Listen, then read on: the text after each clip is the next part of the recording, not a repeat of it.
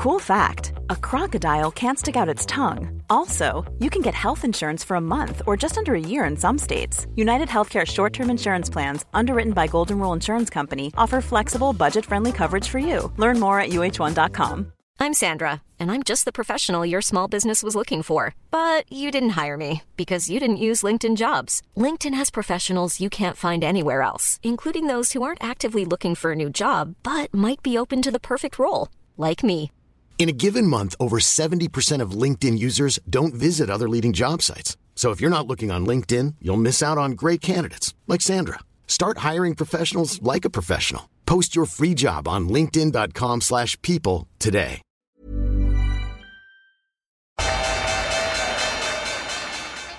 They mistook leverage for genius. Leverage for genius.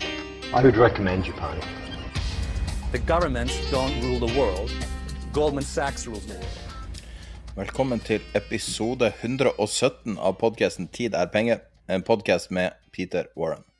Jeg er produsent, og trykker på record-knappen i starten og stopp-knappen på slutten, og av og til eh, stiller Peter noen spørsmål og deltar litt i diskusjonen. Eh, ellers så eh, jobber jeg med diverse ting knytta til podkasten, og tenkte jeg kanskje jeg skulle eh, promotere et par av de tingene.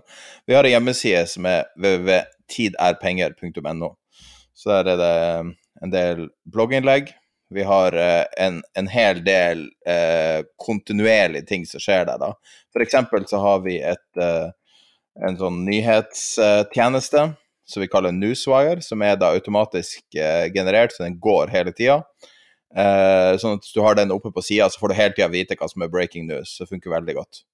Eh, leselisten er en ikke helt fullstendig, men en del informasjon om diverse tips av bøker eh, som har kommet eh, i podcastens historie.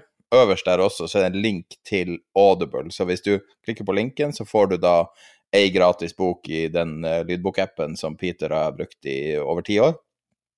Uh, denne gangen så I denne episoden så anbefaler uh, begge den nye boka om Donald Trump, 'Only I Can Fix It'.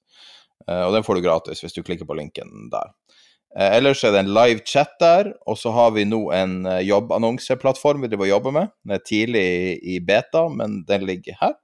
Og så har vi noe som heter Finansopedia, som er et eh, oppslagsverk innenfor. Så hvis du har noen ord og uttrykk du lurer på, så er de aller fleste ordene er fylt ut. Det er fortsatt det en work in progress der, men hvis det er noe du lurer på, det er et begrep du, du hører i podkasten, så det er et bra sted å finne ut hva det betyr, og hvordan det fungerer.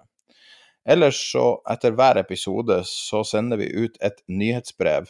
Det nyhetsbrevet eh, går, eh, inneholder masse research, eh, vi har alle mulige slags grafer vi refererer til, større oppsetninger i denne episoden, så er det bl.a. en hel del informasjon om alle de nye regulatoriske endringene Kina har gjort.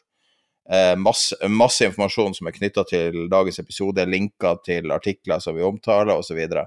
Så, hvis du går inn på tiderpenger.no nyhetsbrev, så kan du melde deg på gratis der og få det. mange mange som, som lytter, som allerede får det, men eh, jeg oppfordrer det på det sterkeste. Så den går ut uh, omtrent samtidig som podkasten. Og så fikk jeg et spørsmål om er det ment å lese nyhetsbrevet før du hører på, eller under du hører på, eller etterpå, men ideen er bare som et kompendium. Så hvis du hører på podkasten, så kan du referere til nyhetsbrevet for å få noe visuelt for å beskrive det.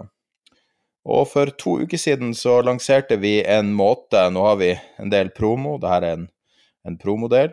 Um, og vi har reklamer uh, på de fleste episodene. Uh, og da tenkte vi vi skulle tilby en mulighet der folk kunne slippe reklamer. Uh, og da har vi starta en Patrion. Så hvis du går på tiderpenger.no patreon, så er det en måte der du kan eh, få tilgang til eh, annonsefrie og promofrie episoder av podkasten. Bare rett inn på innholdet. Og så har du også mulighet da, til å støtte podkasten hvis du føler at det her er verdt å, å støtte. Men primært så var det for å gi folk en mulighet. Når vi da starter med annonser, vi har en del promo, så har du da tilgangen til eh, noe som er på en måte rent av bare innhold. Og da kan du velge å betale det tre forskjellige nivåer. Og ehm, jeg vil takke alle dem som har signa opp, og vi kommer til å fortsette å lage Hvis det her fortsetter å vokse, som, som det ser ut som, så kommer vi også til å til å sende ut en del sånn merch, f.eks. vi skal lage en kopp, og så det var eh, tenke på kanskje andre ting, har en artig idé. Jeg diskuterte litt på chatten, så hvis du har fulgt med der, så ser du det. Men ideen der er å, å tilby mer og mer der hvis det er interesse for det. Eh, men ingen løfter, selvfølgelig. Foreløpig så er det nå bare reklamefrie episoder. Men eh, hvis du går inn på www.tiderpenger.no, skråstrek Patreon, Patreon, så kan du gå der og, og velge hvordan uh, betalingsnivå du velger.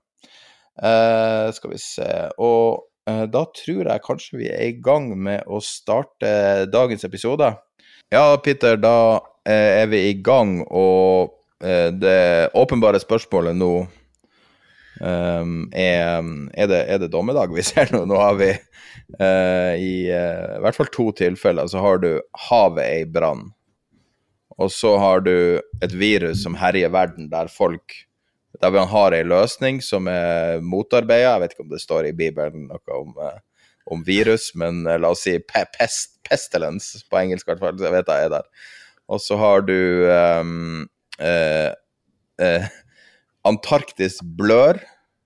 Det er litt sånn teknisk, men altså det ser ut som Antarktis blør. En sånn, kommer en sånn rødfarge pga. rust. Du har mye mer alvorlig enn det. Så har du flom over hele verden. Helt katastrofale bilder fra Kina uh, denne siste uka. Fra uh, Nederland. Fra Belgia i går. Um, Tyskland du har Tyskland, du har uh, I Kina har du det som heter iPhone City, som har et komplisert navn, vanskelig å uttale, kinesisk navn. Veldig stor by. Det var den som var oversvømt. Du har mange som meg, som, som alltid er litt bekymra over um, uh, Three Gorgeous Dam, som er verdens største demning. Um, som er kanskje i fare. Den som ble bøyd i fjor over vannmassa, uh, nå kanskje i fare. Og så har du da uh, kanskje noe som ikke ble nevnt i Bibelen i forbindelse med dommedagen, men du har hadde en veldig kortsiktig, men veldig dramatisk nedetid for store deler av internett, inkludert uh, veldig mange finansinstitusjoner. Jeg anslo at uh, to tredjedeler av alt som må handle om, om, handel av verdipapirer, gikk ned i et par timer pga. én enkeltaktør. Og da er spørsmålet er, er det her en slags, et slags hint av hva som kommer? Er det her en dommedag? Ja, altså jeg tenker jo, Det er vanskelig, vanskelig, å si, men det er jo mange ting som skjer eh, samtidig. og Vi snakket jo bl.a. litt om det geopolitiske bildet eh, forrige gang. Og så har du da nat naturkatastrofene på toppen av det. Men, fordi, altså, men hvis du leser avisene eh, Jeg uh, gikk forbi en, uh, et bord i dag morges hvor det lå masse aviser som, som, som de som var på hotellet kunne lese, og ingen av dem hadde noe som helst om dette på, på, på forsiden. Og spørsmålet, i hvert fall for tid er penger, tenker jeg er om markedet er, er forberedt, og som er markedet forberedt på at det, det, kan utvikle seg, kan komme noe nå som fullstendig forstyrrer det hegemoniet vi er inne i. Og da vil jeg si at uh, som svar på det, absolutt ikke. Selv om jeg ser at enkelte økonomer og andre går ut nå og, og begynner å bli bekymret pga. verdsettelser, og det har vi jo vært i en, i en periode nå. Men hvis, hvis, du tar til verdens største marked, som er det amerikanske markedet, aksjer i all time high, eiendomspriser i all time high, lønninger i all, all time high, nye jobber, altså job cre creation, hva heter det for noe? Altså skaping av nye eh, jobber, all time high. Kjerneinflasjonen, høyeste siden 1991. Aksjeverdsettelser eh, vis-à-vis -vis inntjening, altså verdsettelse på selskapene i forhold til hvor mye de tjener. Verdsettelsen er på all time high. Investorene er de, ifølge Investors Intelligence er de mest positive siden 1991. Og dette til tross så insisterer da sentralbanken på at rentene i USA skal være null fram til, til 2023. Og de sier at de må pøse inn over 100 milliarder dollar eh, månedlig av, av skattebetalernes eh, midler. Og Hvis vi går enda lenger tilbake, så ser vi at gjeldstaket i USA, altså den, den eh, som myndighetene setter, eller eh, hvor, hvor, man ikke skal gå over. altså Mer gjeld skal ikke USA ha. Den er løftet, Dette gjeldstaket er løftet 78 ganger siden 1960. Akselerert voldsomt siden 2000. Og den, skal, og den er aldri, aldri tatt ned. Det har aldri gått ned. Så og hvis du skal gå enda lenger, så ser du at de aller fleste som nå øh, kjøper sikringsinstrumenter, de kjøper kjøpsopsjoner. Altså de, folk kjøper kjøpsopsjoner og ikke salgsopsjoner. Så det virker Altså det kan hende at folk selger aksjer og bytter det med kjøpsopsjoner, og det er for så vidt en, en form for sikring. Men folk kjøper ikke salgsopsjoner. De beskytter ikke nedsiden sin fullt. Um, så jeg vil jo si at vi er sjeldent, sjeldent dårlig forberedt på, på dårlige nyheter. Og så har du den delta-varianten, delta som eh, Altså varianten av, av covid, som, eh, som, Fauci er ute i Financial Times og advarer mot i dag. Og hvor man har da sett hva var det, fire ganger så mange eh, tilfeller. Altså det har gått opp med, med, med 400 Eh, siden, siden, juni. Dette er, dette er, tall fra USA. og Vi ser jo at den sprer seg til andre deler av verden. Og vi er Og det er full fest. Det er ikke sant, Champagnekorkene går fortsatt, og musikken spiller høyt. Så jeg ville jo sagt at vi er ekstremt dårlig forberedt på å takle betydelig dårlige nyheter her. Alle stoler på at sentralbanker og myndigheter skal redde finansinvestorer. Så, det, så bare se i dag morges hvor det kommer da dårlige nyheter. Jeg vet ikke om det er så dårlige nyheter fra Kina det at man har forbudt øh, hva heter det, øh, akademiske institusjoner for profit. Altså de vil ikke ha skoler hvor man som, som etableres for, for, å tjene penger, altså, eller hvor, hvor, hvor, skolene tjener penger. Og plutselig så braker markedet ned, og Hang Seng går limit ned osv. De er ned 8 eh, på, på det verste. Og fortsatt så det er ikke noe særlig tegn til at noen skrur ned, skrur ned volumet på musikken eh, i den vestlige verden, i hvert fall. Ja, Nei, det er jo mye regulator... Det er mye å ta tak i, det du sier da. Men hvis du har Kina først, så er det jo mye regulatoriske endringer som skjer um, i Kina om dagen. Mm. Og uh, bare i Altså det som påvirka markedet i, i uh, Altså finansmarkedet i Kina i dag, var jo to forskjellige regulatoriske ting. Det ene var uh, for profit, nedslåinga, altså at du ikke har lov å tjene penger på å drive skole. Og så um, det andre var at Tencent får ikke lov å Altså begrensa i forhold til hva de kan selge av, uh, av musikk med rettigheter. Uh, ja. Og så gikk jeg og så, for jeg måtte prøve å få litt oversikt over det her. Vi, I likhet med mange andre episoder så har vi jo vært litt sånn usikre på hva er store tematikken i markedet på en måte siste uka, siste tida. Hva er det man kan ta tak i som er interessant? Og i dag krystalliserte det seg helt tydelig hva det er som er det mest interessante akkurat nå. Og det er regulatoriske endringer i Kina som har trappa veldig opp, da. Så jeg tok en uh, gjennomgang og fant en uh, rapport for to uker siden fra Goldman Sachs uh, som viser en gjennomgang av alle de forskjellige regulatoriske endringene av signifikant størrelse, delt inn i antitrust, fintech, data security og social equality. Uh, og jeg teller sånn ca. 40 forskjellige tiltak som Kina har gjort fra november i fjor til nå, som eh, fra min, eh, fra min liksom side, sidesyn i markedet, så ser det ut som at det er ei konkret kursendring. Det har skjedd um, sannsynligvis knytta til um, jubileumet som var nå nylig for kommunistpartiet. At de skal stramme til. Du har vingeklipt Jack Ma Eh, du har eh, vingeklipt Didi. Du har eh, til en viss grad bremsa Tencent ned, en av Kinas største selskaper. du har Evergrande, som er Kinas største boligbygger, som nå plutselig sliter med å finansiere seg. HSBC har bl.a. slått ned at de ikke får låne penger. og da er jo spørsmålet hva er det som skjer nå, og hva betyr det her? Og det virker på meg som at uh, Kina er bekymra for hvor mye makt de her enkeltpersonene, sånn som Jack Ma, hadde fått, og tar seriøs affære nå, samme hva det gjør med veksten.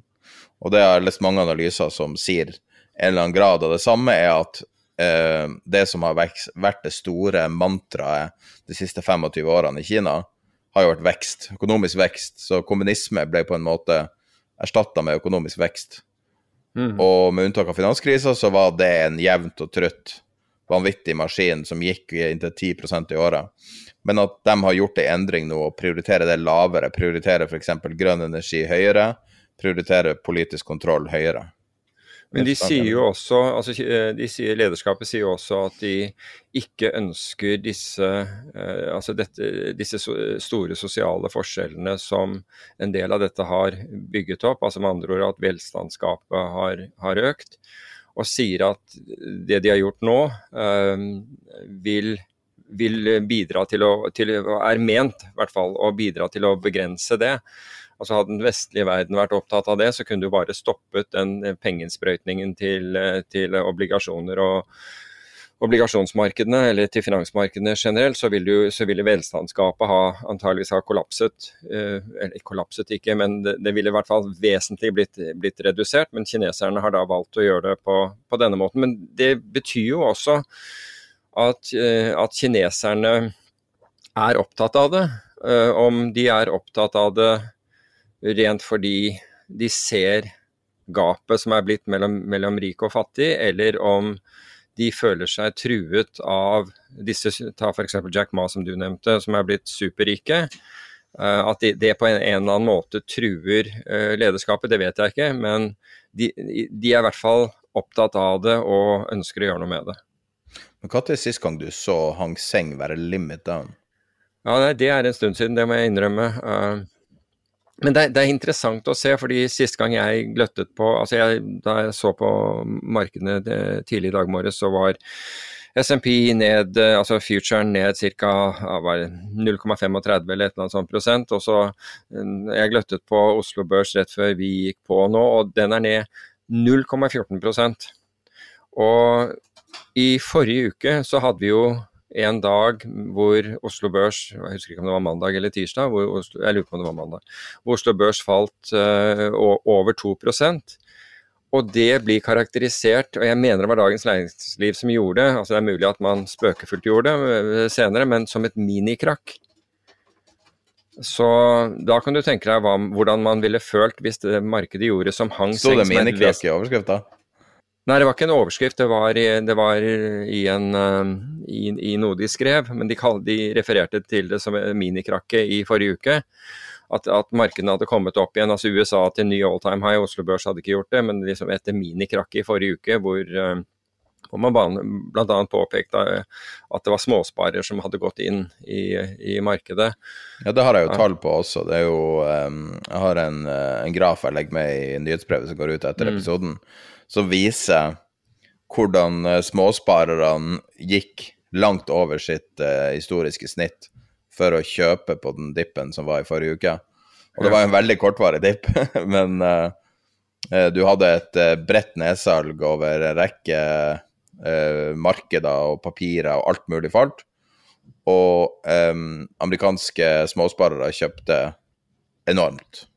Så by the effing dip det, og det samme gjelder vel også, ja, gjelder også Norge. Så, men hvis du ser på jeg, jeg, så på tegningene i den uken som da Uh, som da, si, Uken endte ikke den 21., for det 21. var vel en onsdag, men det var, var frem til den 21. juli. Og da var det tre ganger så høy tegning i obligasjonsfond som det var i aksjefond i, i USA.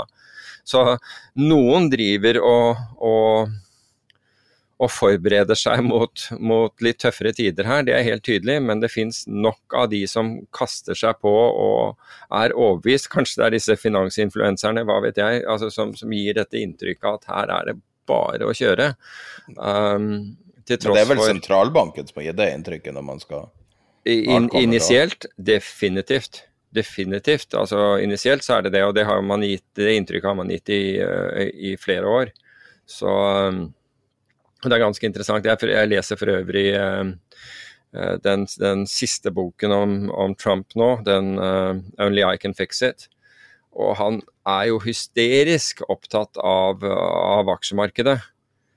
Uh, hvordan aksjemarkedet gjør det, det, altså det holder han oppe om natten altså, i, i, en periode. Så, og hvor han er ekstremt lite opptatt av, av covid. Det, det, later han egentlig som, som, ikke er der i det hele tatt. Så det er, det er ganske interessant. Det er en bra bok, og, men jeg syns også den er relativt nyansert. da. Jeg syns den er litt for detaljert, for å være ærlig. Ja, det er det. Det er enig. Det er litt kjedelig. Men, uh, uh, men egentlig så er det litt sånn herlig avbrekk, fordi at alt rundt Trump de siste seks årene har jo vært så polarisert. Enten har det vært å uh, henge liksom med et flagg og være fan som man er fan av et fotballag, eller så er det da å behandle han som djevelen og Hitler og alt mulig. så jeg syns det var litt sånn fint, litt nyansert i hvert fall, bildet av Ja, jeg, jeg er enig i de jeg er enig i det, og, og du Altså, Giuliani har jo en, en, sterkere rolle, i hvert fall i slutten. Altså når jeg tenker på altså etter, etter, valget, i forbindelse med valget og etter valget. Og det har jo hatt konsekvenser for Giuliani siden, for han har mistet advokatbevilgning i hvert fall i to stater som, som følge av det. altså hvor han, hvor han fabrikkerte altså Det var rene løgner som han serverte til, til Trump.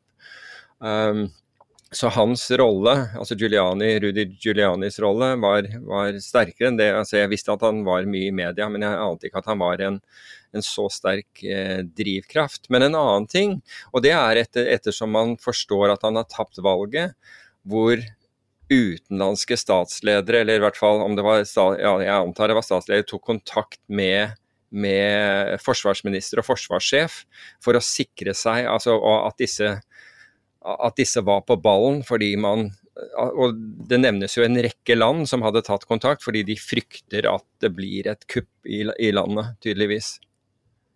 Så um, Nei, det er det, veldig det Only I can fix it. Det er på Audible. Uh, så hvis ja. du går på uh, tidapenger.no leselisten, så kan du uh, få boka gratis hvis du ikke har uh, lydbokappen Audible. Uh, klikker på linken der, så hjelper det podkasten. Men um, Uh, nei, og, og, og, vi er jo på en måte i slutten av det på en måte elleville tiåret, eller hva man skal si. si jeg jeg syns egentlig siden 2012 så har ting vært litt sånn nesten ute av kontroll. Ja. At, at, at liksom alt forandrer seg. Og nå begynner vi å få altså, Sånn som Kina holder på nå, så er det jo på en måte sunn fornuft. Det at de um, altså trekker tilbake med de um, Altså, de har jo det store økonomiske instrumentet de har, er jo RRR. Uh, eh, reserve ratio. Um, uh, altså uh, hvor, hvor, mye penger bankene må ha i reserver. Og da kan de justere da hvor på en måte overoppheta økonomien er. Og de er jo tidlig, relativt sett i verden, da, tidlig med å trekke tilbake en del likviditet, samtidig som de da vingeklipper de på en måte mektige og selvsikre milliardærene. Ja. Jeg vil si at det er relativt ansvarlig, det de gjør. Ja, altså det virker jo uh, ty tydeligvis. Um, de er jo ikke alene. altså Russland har, jo også gjort det, altså forbausende nok, uh, i, det, hele. Og noe som glir litt, litt, forbi, det er at Russland har jo satt opp renten for fjerde gang i år. Til, og det skjedde i forrige uke, til 5,5% den bundet ut på fire og en kvart, eh, jeg tror det var i juni i fjor. Men også der eh, driver man altså man følger med på inflasjonsdata og sier vet du hva, dette her er ikke bra. Uh, Mohammed El-Arian for øvrig, uh, tidligere Pimco og han er jo rådgiver for alt mulig rart. Uh, men en, en god forvalter og, og, både god forvalter og, og, økonom. Han mener jo også at denne, denne, inflasjonen er ikke transitory, altså den er ikke forbigående. Han er helt overbevist om at den ikke er det. Og Så kan man argumentere det frem og tilbake, for det er mange som da mener det, og selvfølgelig sentralbanken, men han går ut da og sier at den er ikke transitory, dette er bare tull.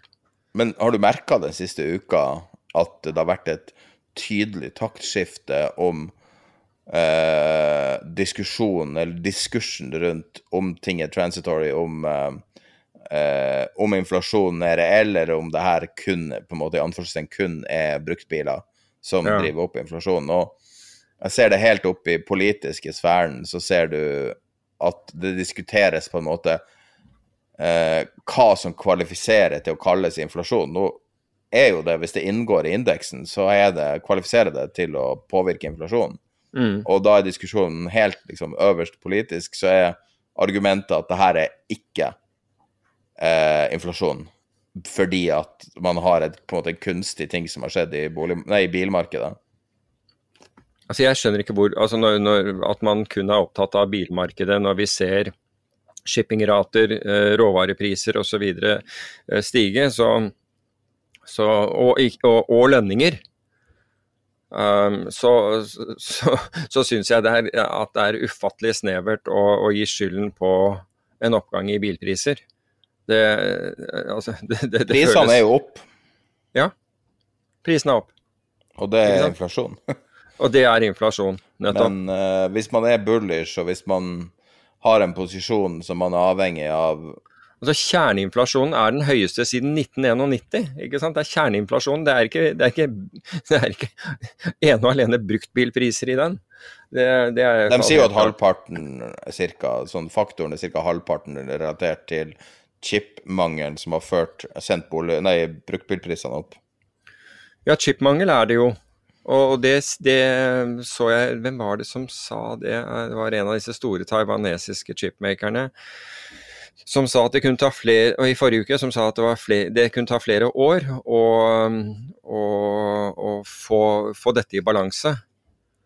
Så Apropos chipmangel, hvis man skal trade rundt det, så det er jo ett bilmerke som ikke har chipmangel, som har horda det, og det er Toyota. OK. Så hvis man eh, skal kjøre en pair trade, nå er sikkert her prisa inn for eh, lang tid siden, men uh, uh, å være long Toyota Gå, gå long en Corolla, short en Tesla. Ja, men short en basket, da. Litt Tesla og litt uh, Chevrolet og, Ja, og litt. Honda og sånn. Så, Ja. så jeg, vet, jeg har ikke, jeg har ikke researcha det, men, men de er det eneste bilprodusenten som faktisk har nok chips, altså databrikker, til å lage biler i det tempoet de trenger. Oh, wow. Ok, det ante jeg ikke. Så, men uh, du kan jo skylde på krypto pga. chipmangelen. Altså, det er jo i veldig stor grad drevet av at uh, dem som driver med kryptomining, har kjøpt opp alt som er av rubb og stubb, og, og drevet opp uh, prisene på råvarer og chips, alt mulig, egentlig. Så Altså, det har jo lønt seg å gjøre det, men, ja, men det forbauser meg at, at det gjøres i et så stort omfang at det tømmer verden for, for, for chips. Det, det virker voldsomt. Det, det, må, altså, det måtte jeg ha hatt en second source på. For, for at Nei, du trenger ikke egentlig second source. Prøv å kjøpe deg et skjermkort. Ja, ok. Så prøv å kjøpe deg en GPU, og se Aha. om du klarer å kjøpe det. Prøv å kjøpe deg en PlayStation. Altså eh, Det har vært eh, Det har vært enormt Altså, i to år nå så har det vært helt vanvittig kjør på GPU-markedet, som er det man bruker for å utvinne krypto. Eh, så det er veldig vanskelig å si at det her ikke er knytta til krypto. Og du har jo de landene som produserer gratis energi. Jeg vedder på at Island også er ganske stor, for de var, eh, har jo eh, energi fra bakken. Og du har Nord-Korea og Kina der de sitter utenfor de her kraftstasjonene og får gratis energi. Det er vel der det primære mininga skjer. Jeg ser for meg førstemann som ringer eh, etter innbrudd, ringer eh, forsikringsselskapet sitt og, og skal melde, og, de, og, og forsikringsselskapet ja, blir det borte smykker og klokker og alt mulig sånn. Nei, de tok PlayStation. Men du husker du jeg fortalte om det Fifa, Fifa-coins som eh, minner veldig mye om, om bitcoin? Uh, nei, altså var det Nevø, nevøen min Ja, i- og en venn som- satt og trada Ja, det, ja, den husker jeg. Den husker jeg. Det viste seg at det var en lytter som tipsa meg, mm. at eh, det fins folk som gjør det her på stor skala. Og da var det, om det var i Indonesia, tror jeg, det var um, en kar som hadde rigga opp 3800 PlayStationer, tror jeg det var, i et system for å sitte og mine ut det her. Så det er folk som Og altså 3800 PlayStation, det koster litt, da. Ja, det må Jeg du tror jeg estimerte at Jeg, jeg, jeg tror jeg ganga opp, fant at det var sånn syv eller åtte millioner, tror jeg det var, bare for å komme i gang. Det du er forsiktig med å si til folk at du har hjemme, er en PlayStation. da, da, da smeller det tvert i, eh, i et vindu. Var du våken i natt og så på eh, triatlon?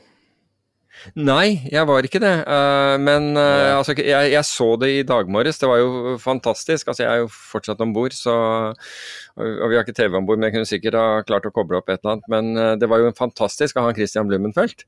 Ja, helt magisk. Det var helt magisk. Faen, han gikk i kjelleren, altså. Det har jeg aldri sett. Ja, det, altså, de er de virkelig sanne atletene, altså de som driver triatlon. Altså, de, det, er, det er umenneskelig eh, hva de går gjennom. Jeg kjenner noen, og, og jeg, faktisk en av lytterne våre, våre er det. og han, Jeg skal ikke oute han, fordi jeg har ikke spurt om det på forhånd, men, eh, men han har, har, invitert meg på løpetur i fjor. Og heldigvis så jeg, var, var armen min nyoperert, så det var, var helt utelukket. Men han skulle komme til Oslo denne uken og lurte på om jeg ville være med på en sykkeltur.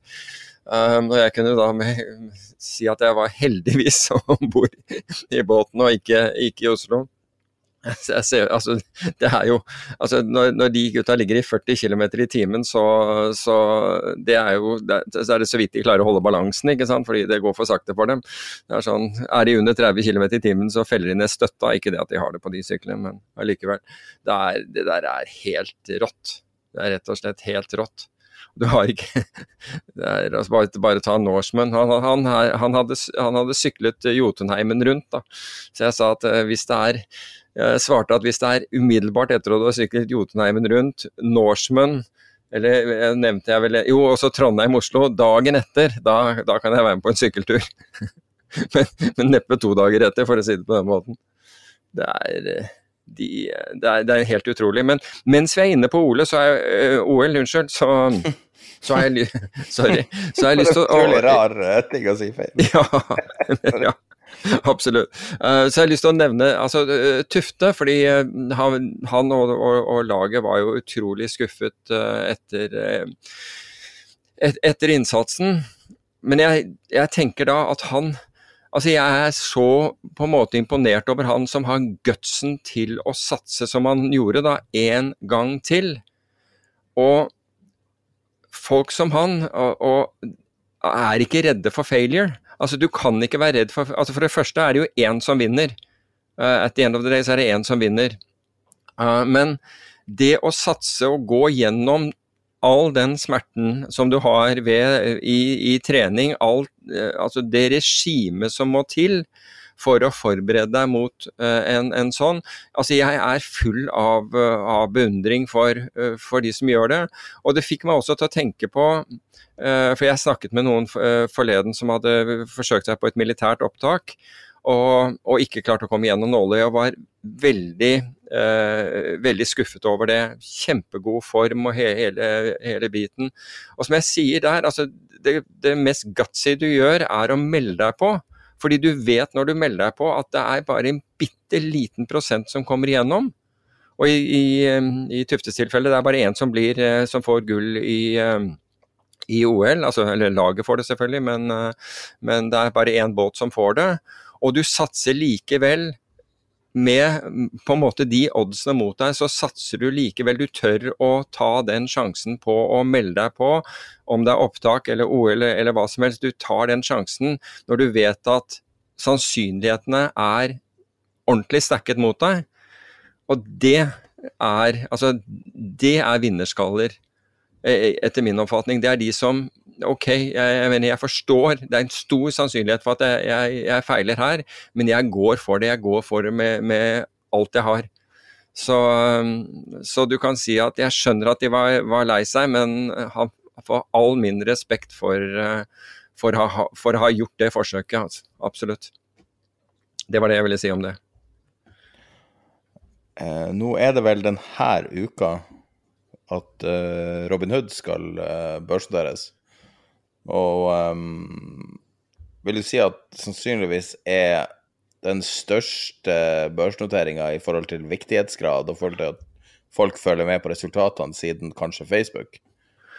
Og det har jo tatt lang tid siden de sendte inn SEN-dokumentet. Normalt skjer det jo veldig fort etter de har sendt inn eh, børsmeldinger. Blant annet fordi at de har ønske om å konstruere en aksjonærstruktur som består av veldig mye småinvestorer.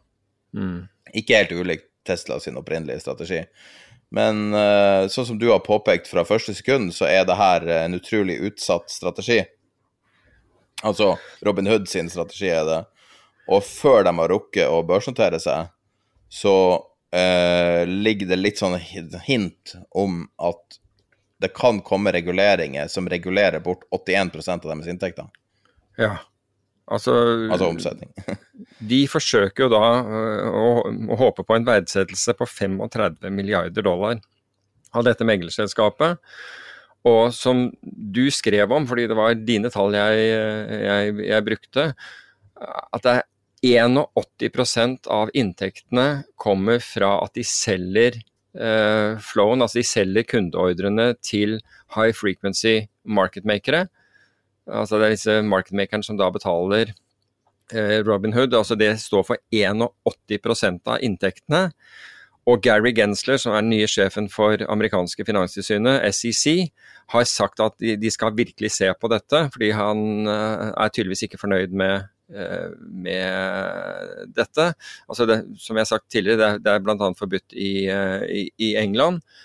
Da føler jeg at du tar altså Hvis dette blir verdsatt i nærheten av der hvor, eh, hvor det ser ut som det blir, men det ser crazy ting om dagen, um, så ja, det For meg så, så, er det nærmest galskap, vel vitende om det. Vel vitende om det, så, er det, så vil en sånn verdsettelse av dette selskapet, hvor 81% egentlig kan bli borte over natt av, av inntektene, det, altså det, er jo nesten et binært utfall.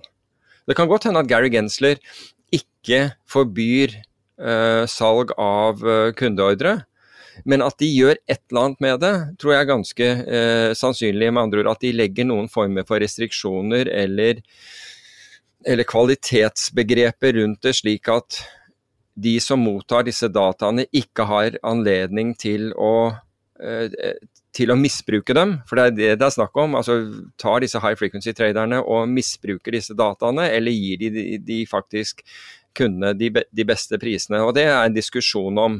og Jeg kan diskutere begge sider av den, men du kommer ikke unna at det finnes muligheter uh, for misbruk. Det gjør det. Altså i dag, det finnes muligheter for, for misbruk ved at, del, ved at den beste prisen Altså de skal alltid selge eller kjøpe på den beste prisen i markedet.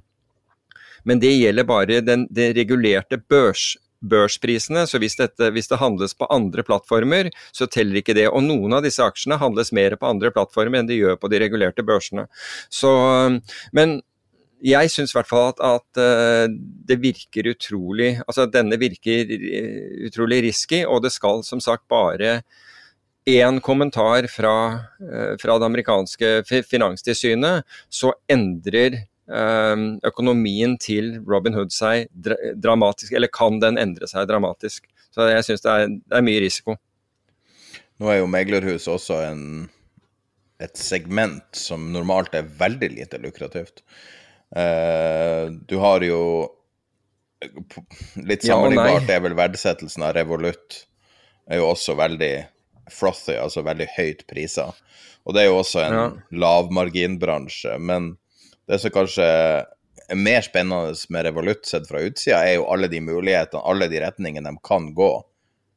Eh, mens Robin Hood har jo på en måte visst handa si til en viss grad. Ja, nettopp. Eh, og det å å drive en business uten kurtasje, eh, med litt låneinntekter, uh, men at da at det er liksom flytselging, føles som i beste fall noe som man kan komme unna med i en kort periode, fordi at det føles feil å selge Flow.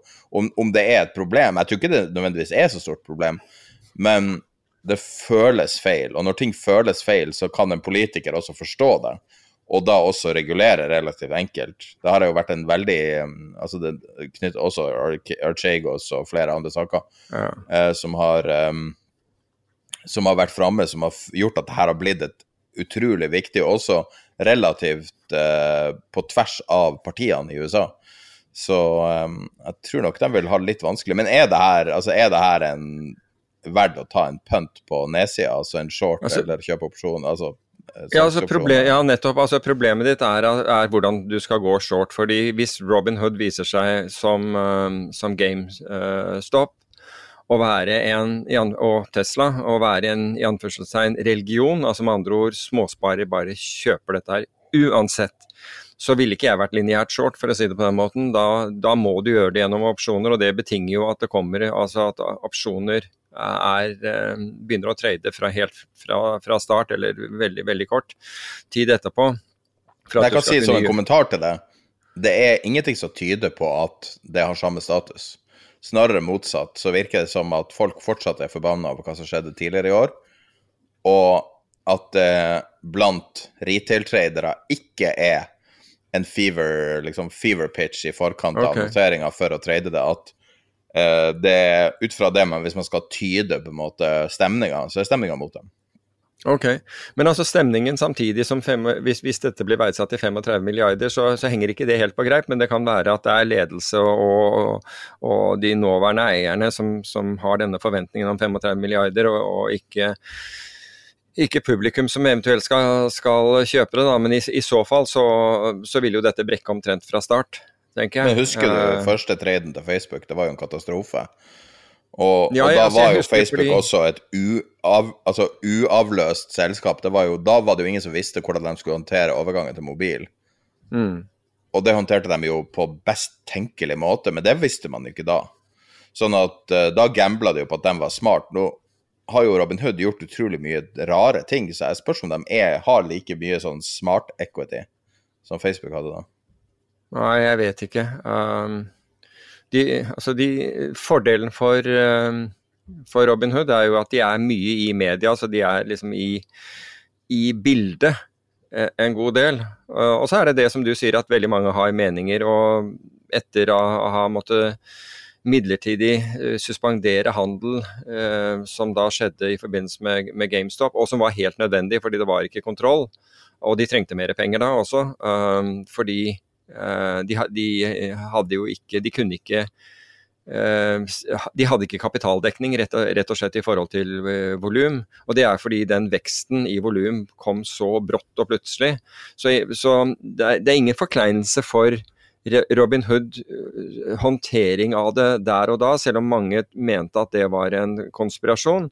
Det var den eneste måten de, de kunne gjøre det på, fordi de hadde ikke kapitaldekning, de ville bli stengt ned. Og det som skjedde var at de suspenderte handelen og sa at Eller det de sa var at man kunne komme seg ut av posisjoner, men ikke inn i nye. Eh, så hvis du hadde en posisjon, så kunne du selge den. Det var, det var ikke noe eh, problem. Men nye handler ville betinge mer kapital, og så stilte eierne sammen med andre eh, penger over natt, slik at de kunne kjøre i gang dagen etter. Så, så du kan si at jeg husker jeg, jeg, debatterte det ganske kraftig med, med, folk som mente at dette var en konspirasjon. Men jeg er ganske overbevist om at det, ikke var det overhodet. Eh, at uh, dette rett og slett skyldtes det, den voldsomme volumøkningen som, uh, som, de fikk. Så, så jeg, har, jeg, har, ikke noe problem med, med, hvordan Robin Hood håndterte det, selv om jeg vet at mange har det sånn som du beskriver. Men jeg er veldig redd for at det amerikanske finanstilsynet kommer til å, å, å, å, fatte noen tiltak i forhold til det med å, med å selge, selge kundeordre. Har du, eh, har du sett den jobbannonsen som har leda til det siste rallyet i bitcoin? Nei. Nei. Eh, Mener du det rally som kom i natt? Ja. Ok, jeg trodde dette hadde noe med digital, Amazon Ja, det har noe med Amazon digital å gjøre. Digital currency and blockchain product lead, lead i Amazon. Akkurat. Jeg legger til link til, uh, til denne jobbannonsen. Ok, ja, jeg visste at, ja, jeg visste at det var, var, eh, hadde med Amazon å gjøre, og den mu muligheten for at de vurderte å la folk eh, betale med, med bitcoin. Og det, det, det, er jo ikke Syns ikke det er liksom helt off at, at de, vil, de ville gjøre det. Nei, det er i hvert fall real world, da, for en gangs skyld. Ja. Så har du noe, ja, ja. noe du kan uh, bruke bitcoin for å være helt ærlig.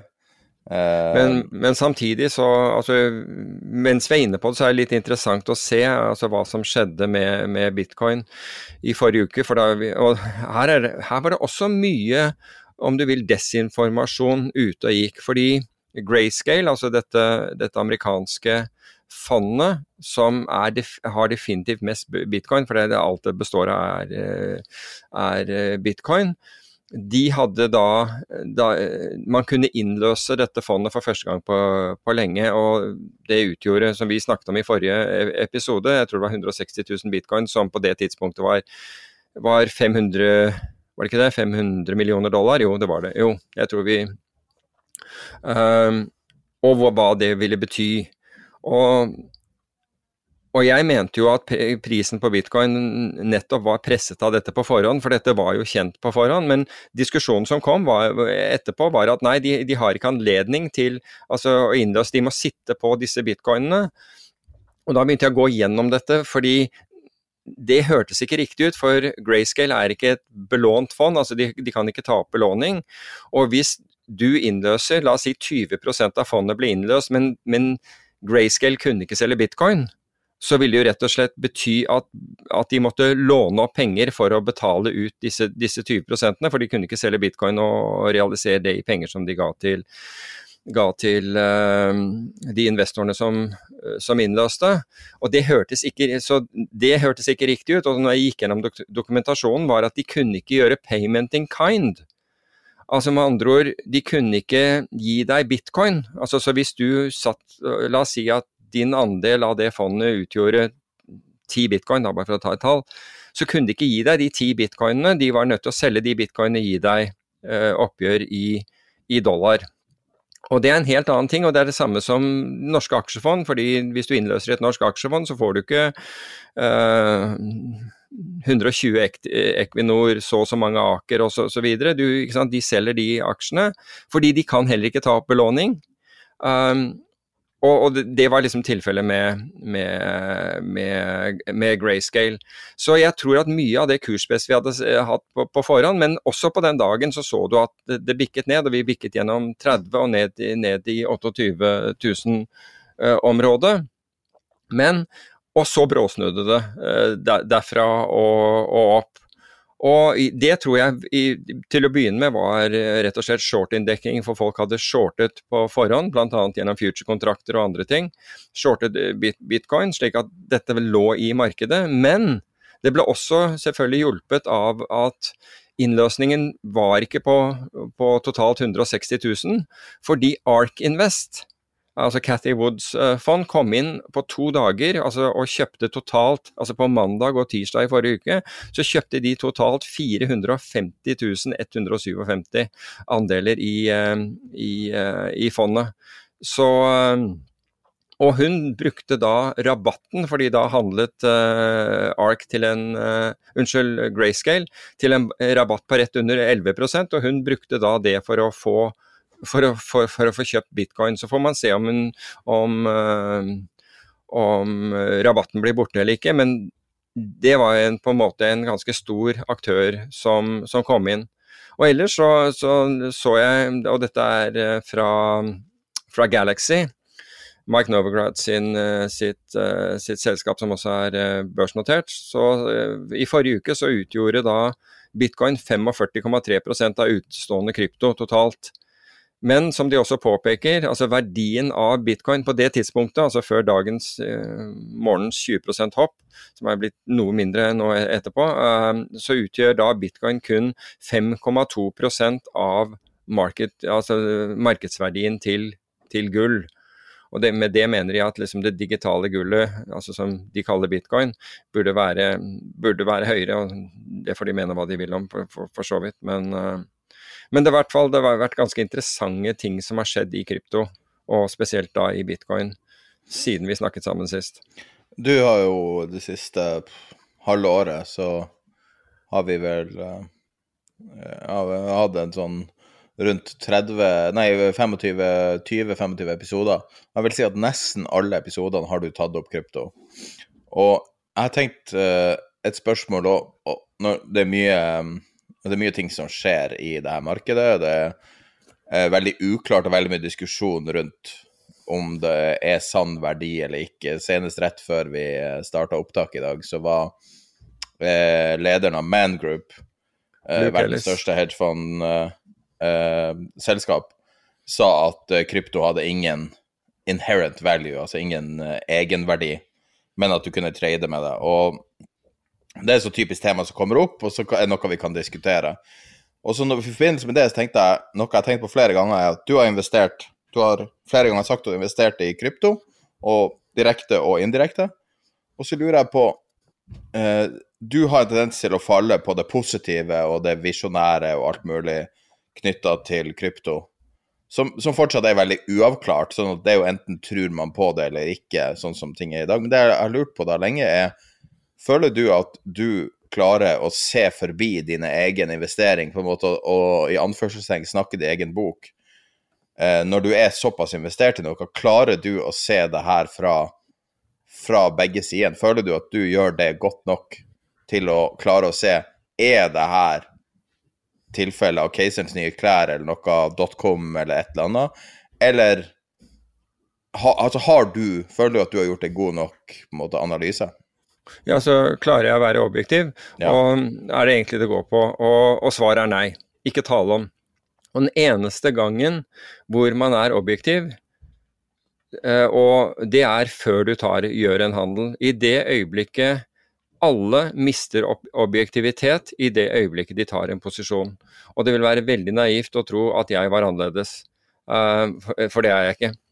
Men du kan si at, bare for å gå tilbake til det der når vi tar opp krypto Jeg forsøker egentlig bare å ta opp krypto de gangene hvor jeg føler at det er noe nytt med krypto som har, har skjedd siden for, forrige episode. Er, altså, om, om, krypto går opp 5-10% eller faller 5-10% det, det er ikke nok til å, å, ta det opp, fordi det er vanlige svingninger eh, i det, i det markedet uansett. Akkurat som vi så i, i dag morges hvor den var dobbelt så stor.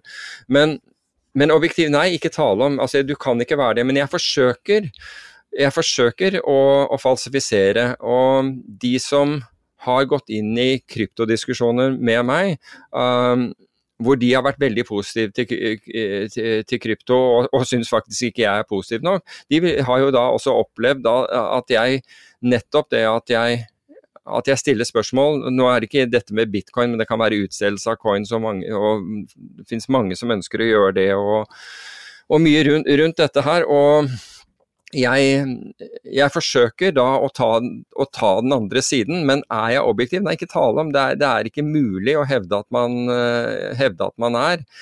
Jeg vet, og det er jo helt riktig som du påpeker, vi vet ikke om dette er, er eh, keiserens eh, nye klær. Altså Jeg har troen på at blokkjede i en eller annen form og, og når det er sagt, altså, så, er, så, er, jo ikke bitcoin blokkjeden Det er jo ikke den mest avanserte i det hele tatt av, av, eh, av disse av, av blokkjedene.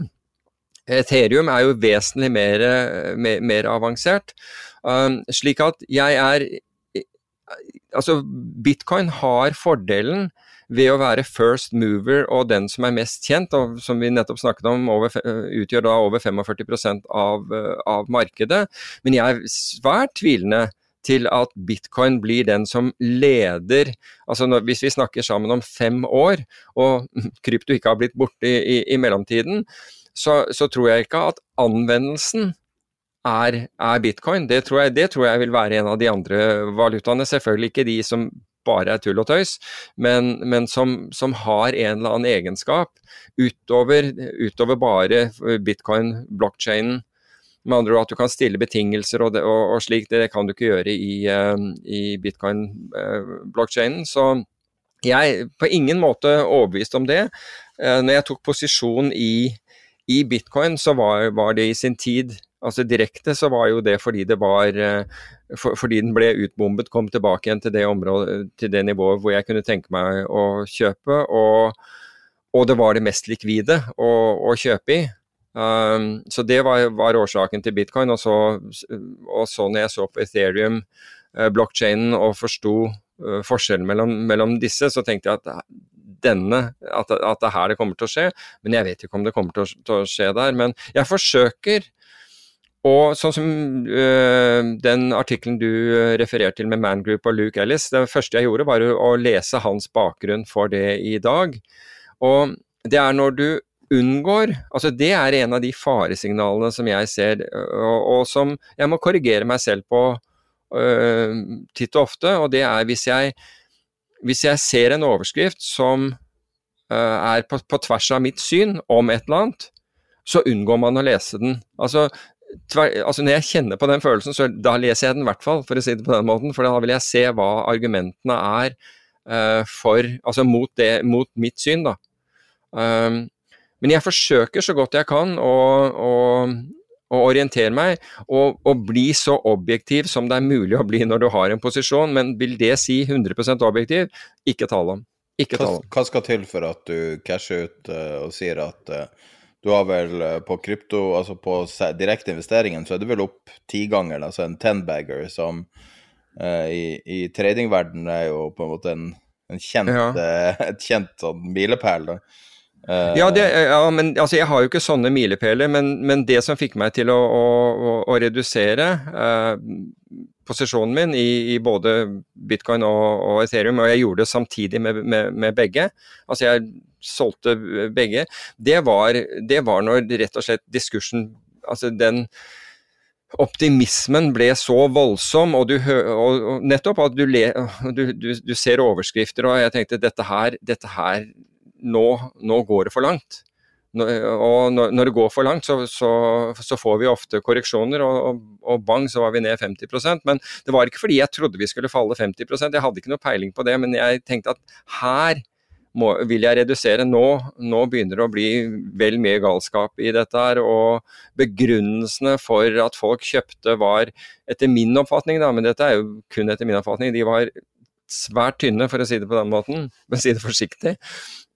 Og, og, men det skjedde først altså det, det, skjedde først for noen måneder siden at, at, det var aktuelt. Jeg hadde på en måte sittet gjennom alt andre til, uh, til det.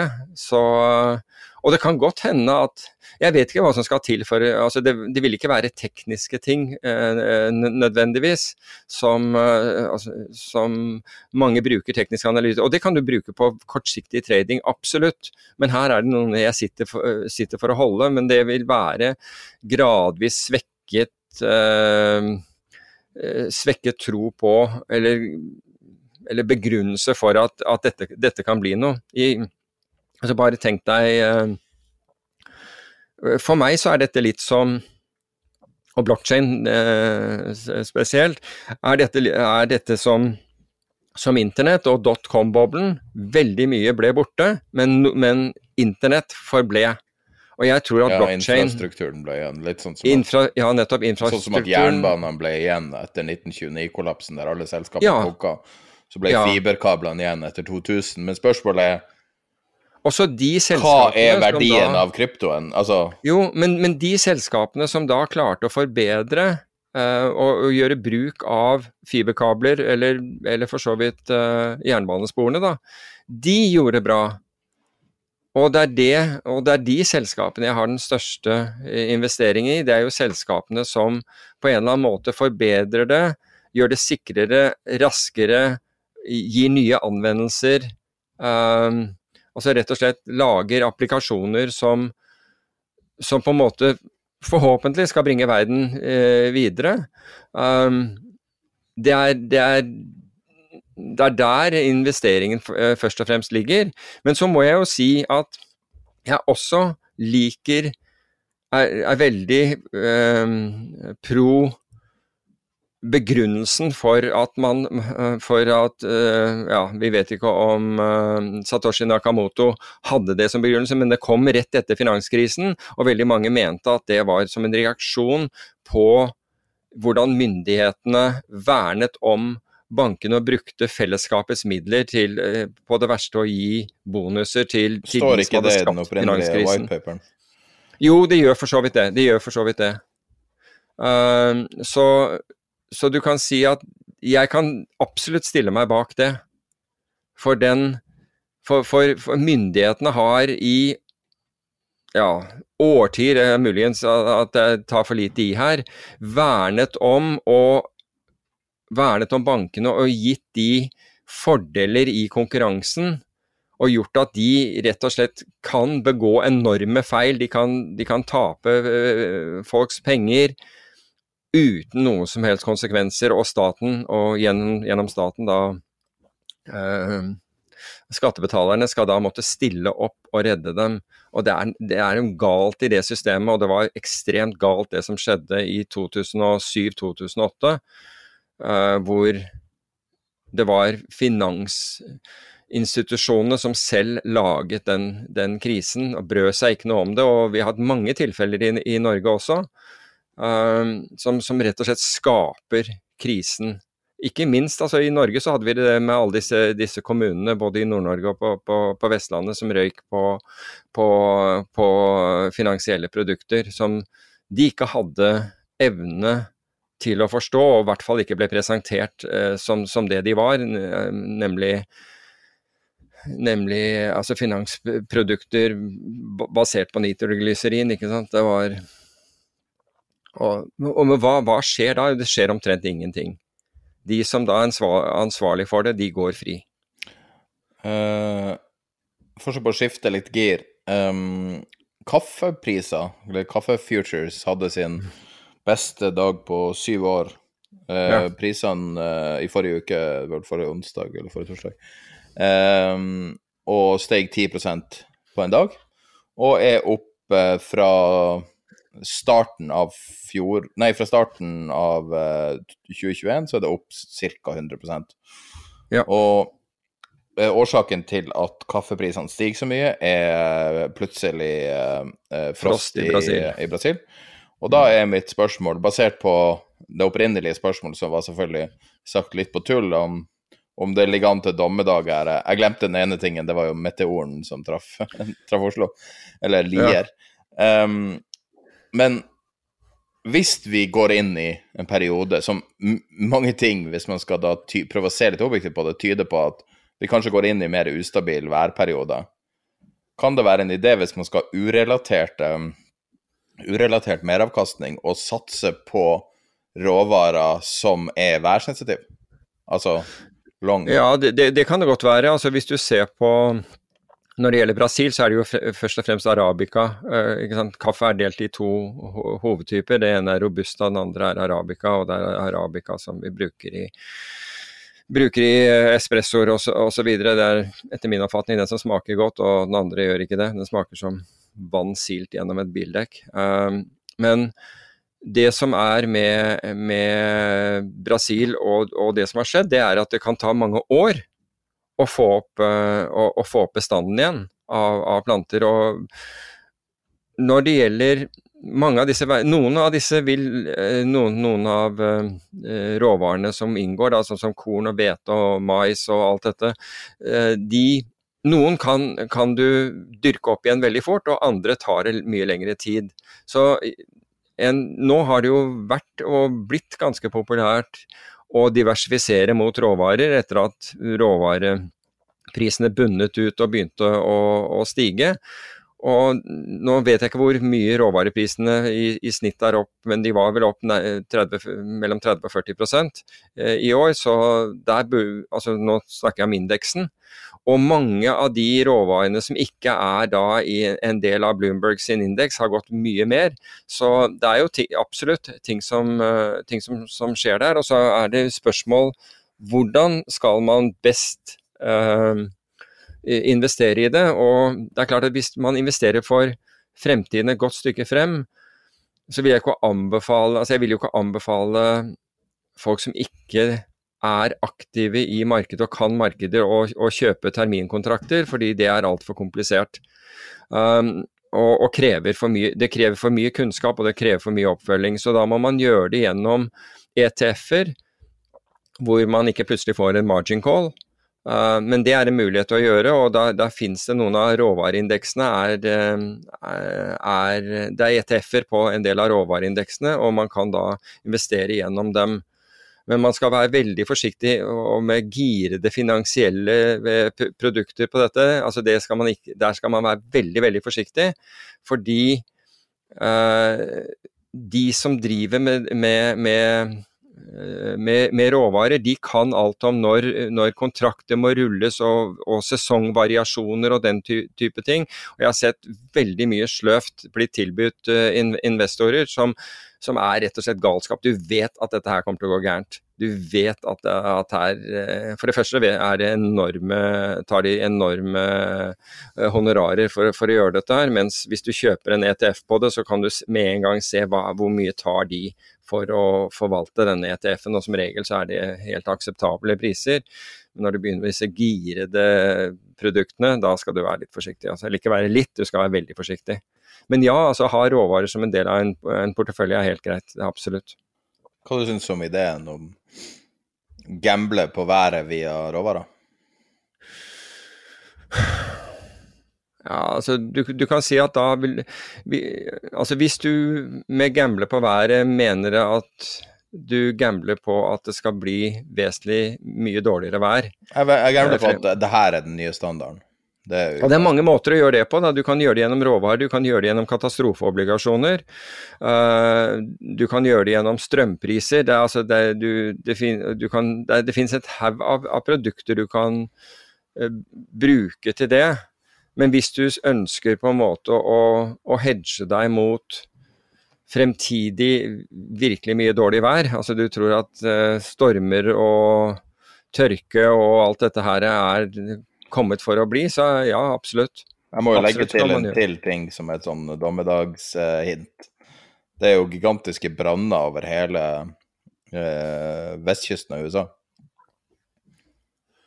Så kommer ja, det å gå det er det, absolutt. Ja, og, og, det har vi sett før, men nå, det, nå, ser det virkelig ille ut. Det er jeg helt enig. Uh, men uh, noen venner av meg kom hjem fra Cecilia i går, og Uh, utemøblene deres var så nedsotet fordi Etna hadde hatt et eller annet utbrudd, oh. at ja, de skrev Etna i, i, på, altså, i sotet som var, var, hadde landet på sofaen.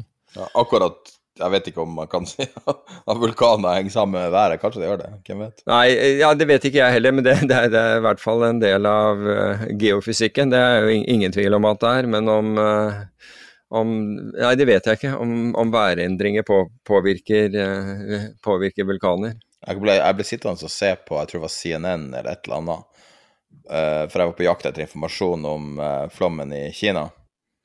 Og det gikk bare noen minutter før de begynte å diskutere med en eller annen som mente at ting ikke var menneskeskapt og ditt og datt. Det er ganske utrolig når du ser hvordan verden er nå, at det fortsatt er et tema som må diskuteres. Ja, Internett. Jeg føler ja. at internett virkelig uh, I går ble jeg sittende og snakke med noen vaksinemotstandere også, liksom bare ja. uh, Altså, det, man blir bare helt utslitt av Altså, det, det virker som Det virker nå som at internett var skikkelig tabbe, fordi at at folk blir så feilinformert. Herregud. Ja, men, men ikke bare om det. Men det og... Jo, jo. Men ikke bare om det, men, men også om, om, helse og medisin.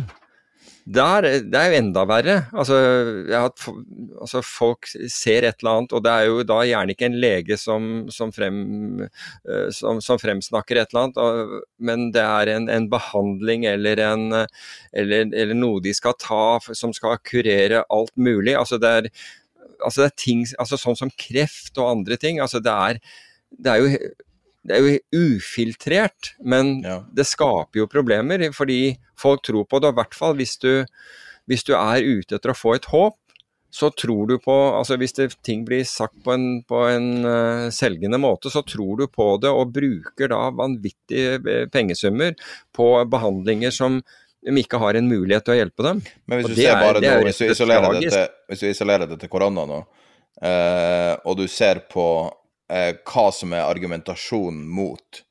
Så, sånn som det ser ut fra utsida altså Nå er jo jeg primært om USA, litt av det her leker jo ut av USA, men det er jo primært i USA. Og, eh, og det virker å være partipolitisk mer enn noe annet. Og det er ganske utrolig hvordan det har blitt. Men jeg, jeg leste en gang en, en analyse om eh, moderne medisinsk skepsis, og det, jeg mener jeg husker at den sa noe sånn at når du kommer til et visst punkt der ting blir så avansert, sånn som sånn som det er nå, da, så det at folk ikke klarer på en måte å se for seg hvordan man fikser det at Du ser det, du knekker mm. foten, du får en gips på, du blir bra. Det er veldig sånn lett å forstå. Mens mRNA-vaksine er relativt komplisert. Det er liksom tre-fire ledd i ting du ikke kan se, og ting du har veldig vanskelig for å forstå. Sånn at det er en litt sånn, en sånn eh, naturlig instinkt for mennesker i å på en måte sammenligne det med, med liksom magi. Med tryllekunstning, med liksom dark arts, som er grunnen til at vi faller i denne her fallgruva, som er nå der man ikke tror på det eh, objektive eksperter sier. Ja, man tror på en tilfeldig ting funnet på i Facebook-gruppe. Men Trump altså, han tok jo eh, USA ut av The Paris Accord. ikke sant? Altså, han trodde jo ikke på, på, på klima. Altså at, eh, verdens, eh, at vi hadde et, et, et klimaproblem. Og for, Apropos den, den boken 'Only I Can Fix It', hvor det, han hadde da tenkt å trekke USA ut av Nato i sin neste term. Det var jo ganske greit at ikke det skjedde heller, men allikevel så er det 74 millioner mennesker som, som stemmer på han. Er jo ikke sant, det er klimafornekter.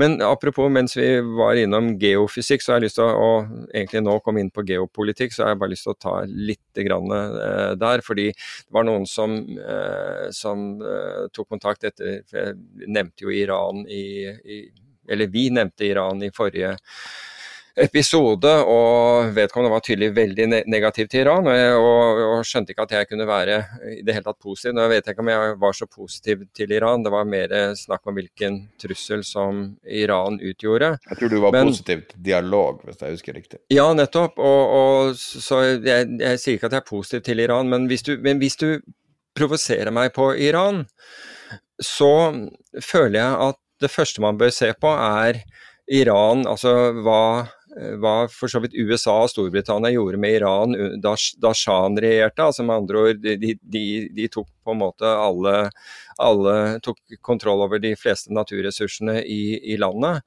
Uh, så, så og det er også basis for den misnøyen som oppsto i, i Iran da, da eh, shahens velde var over og, og Atollah eh, Khomeini overtok. Og da gikk det jo selvfølgelig helt den andre veien, men de protestene, det, altså de protestene var fundert i hvordan man hadde opplevd å bli, bli behandlet av Vesten frem til da. Og så, du, så, kan, så vet vi jo at på en måte Iran eh, støtter det som foregår i, eh, i Jemen, og stø- støtter Hizbollah-militsen osv. Ja, de- ja, de gjør det. Og, men, men du må ta det litt ut ifra deres ståsted. Men, men la meg, altså, siden jeg blir provosert på dette her, husk at i krigen i Bosnia, og den mener jeg var fra 92 til, til, til 95, hvor Altså, hvor bo, uh, muslimer blir massakrert av serberne. Uh, var det vel 8000 i Srebrenica, tror jeg, uh, gutter og menn som ble rett og slett henrettet. Og de drev massehenrettelser i, i landet. Til tross for at etterretningsrapporter fortalte om og man hadde etterretningsfolk i, i landet, man hadde eh, også små grupper av spesialstyrker, som advarte mot hva som var i ferd med å skje, så gjorde ikke Vesten noe. Verken USA eller andre. Madeleine Albright, som var eh, USAs FN-ambassadør, håper jeg ikke tar feil nå, eh, hun ville heller ikke tro på det. Og det eneste, jeg vet ikke om det er det eneste landet, men i hvert fall det landet som virkelig kom bosnierne til hjelp, eller forsøkte så godt de kunne, var Iran. Iran eh, eh, sørget for at eh, bosniske og mm, muslimene i Bosnia fikk, fikk våpen. Så de engasjerte seg for muslimene i det landet for å beskytte dem. Og, det, og du kan si at Iran har ikke, har, ikke akkurat, eh, har ikke akkurat grense til Bosnia, hvis noen kikker på et kart. Men det var faktisk Iran som, som gjorde noe, mens de andre satt på ræva, heter det vel, eh, går det vel an å si i en podkast, og gjorde ingenting. Men da Dayton-avtalen, eh, som da skulle skape fred eh, mellom eh, og, og bare én ting til, og det var til, til tross for at, at uh,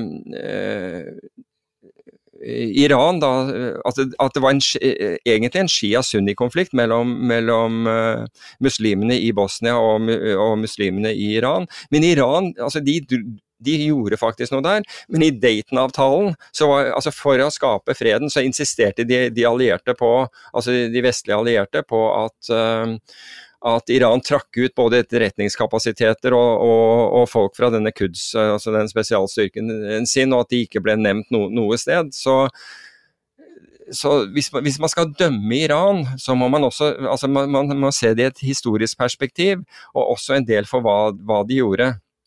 Når, uh, ta en annen si, anekdote. Da, da, Trump bestemte seg for å ta livet av Suleimani, nå ble bare ikke Trump undertegnet dette, her, det var jo nok det militære lederskapet som, som pushet på for det. det var, han var sjef for revolusjonsguiden.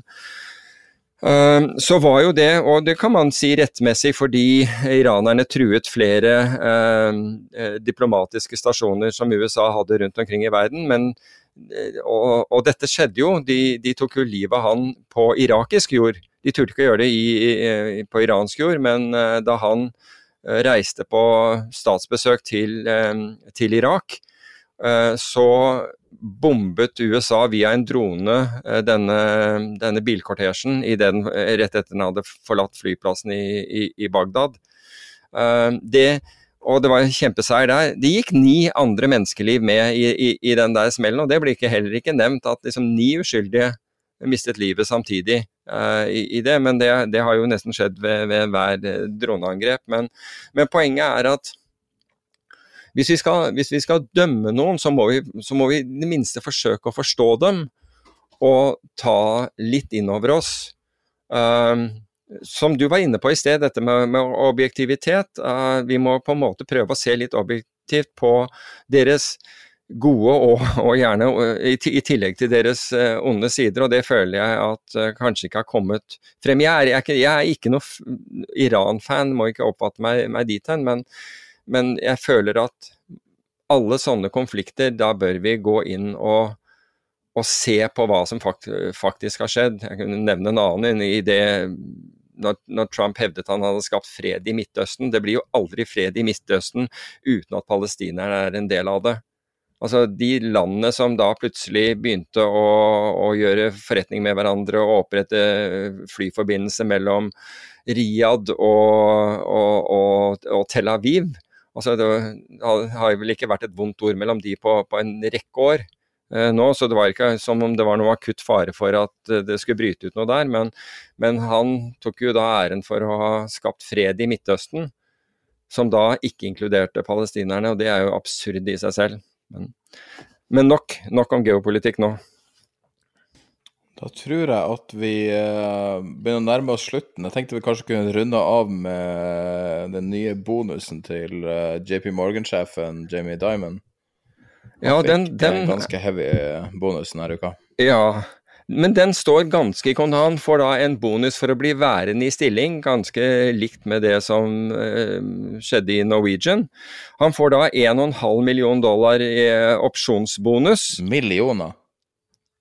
Hva sier du? 1,5 million? Ja, ja. 1,5 million uh, opsjoner.